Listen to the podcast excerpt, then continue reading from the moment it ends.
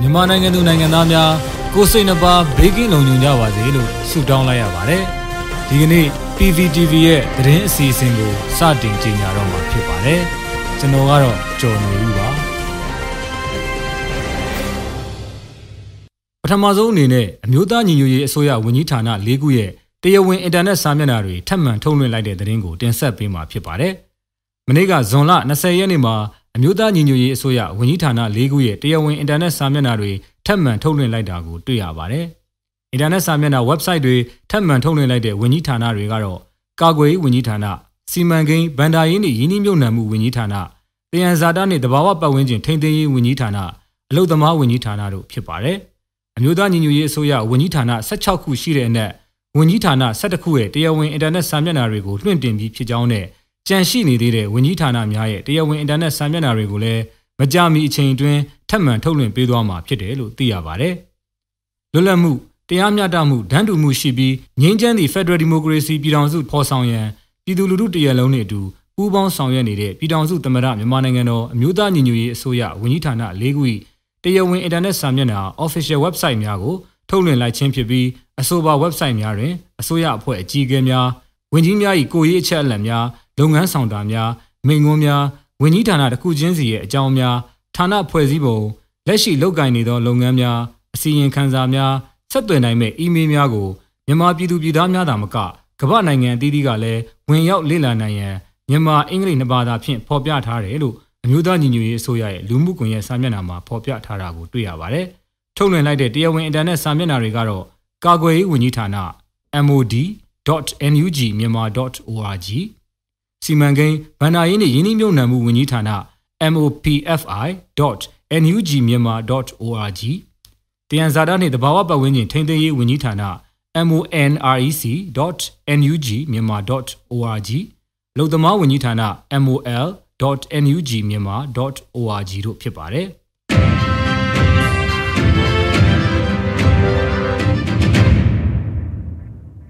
ပြည်ထောင်စုသမ္မတမြန်မာနိုင်ငံတော် အမျိုးသားညီညွတ်ရေးအစိုးရကျန်းမာရေးဝန်ကြီးဌာနကအွန်လိုင်းမှာတဆင့်ကျန်းမာရေးဆိုင်ရာကုသမှုခံယူနိုင်တဲ့တယ်လီကျန်းမာအစီအစဉ်ကိုမိတ်ဆက်လိုက်တဲ့သတင်းကိုဆက်လက်တင်ဆက်ပေးမှာဖြစ်ပါတယ်။ပြည်ထောင်စုသမ္မတမြန်မာနိုင်ငံတော်အမျိုးသားညီညွတ်ရေးအစိုးရကျန်းမာရေးဝန်ကြီးဌာနကအွန်လိုင်းမှာတဆင့်ကျန်းမာရေးဆိုင်ရာကုသမှုခံယူနိုင်မဲ့တယ်လီကျန်းမာအစီအစဉ်ကိုဇွန်လ18ရက်နေ့က၎င်းရဲ့လူမှုကွန်ရက်စာမျက်နှာကနေမိတ်ဆက်ပေးလိုက်တာကိုတွေ့ရပါတယ်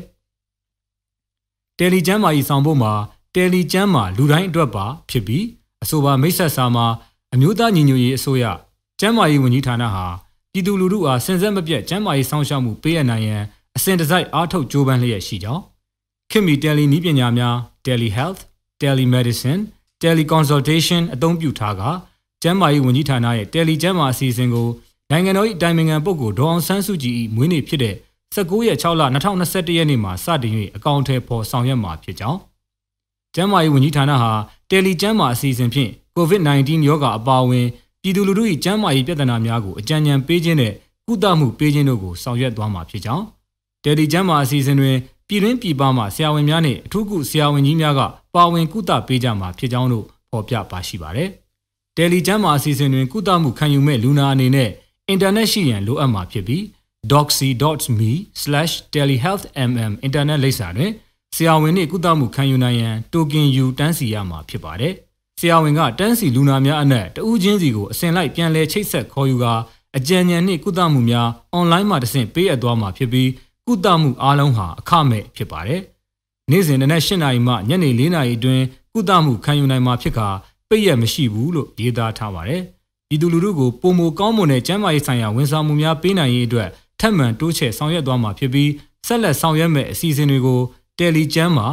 MOHNUG of Myanmar Facebook page facebook.com/telehealthmm တွင်ဆက်လက်ကြော်ညာပေးသွားမှာဖြစ်တာကြောင့်အမြဲမပြတ်စောင့်ကြည့်ပေးကြဖို့လည်းတိုက်တွန်းထားပါတယ်။အရေးပေါ်စေကူတာမှုခံယူရန်လိုအပ်သူများအနေနဲ့တော့တယ်လီကျမ်းမှာအစီအစဉ်တွင်အကြံဉာဏ်ရယူရန်မသင့်တော်ပါဟုရေးသားထားပါသေးတယ်။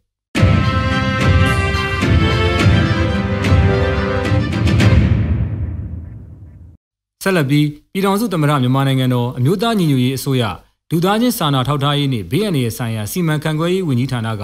ပေါ့မြို့နယ်ကင်းမကျေးရွာမိဘေးသင့်ပြည်သူများအတွက်ကူညီထောက်ပံ့မှုများပြုလုပ်ခဲ့တဲ့တဲ့ရင်ကိုတင်ဆက်ပေးမှာဖြစ်ပါတယ်16ရက်6လ2021ရက်နေ့မှာမကွေးတိုင်းဒေသကြီးပေါ့မြို့နယ်ကင်းမကျေးရွာဟာရွာလုံးကျွနီးပါးမီးလောင်ဖျက်ဆီးခံခဲ့ရက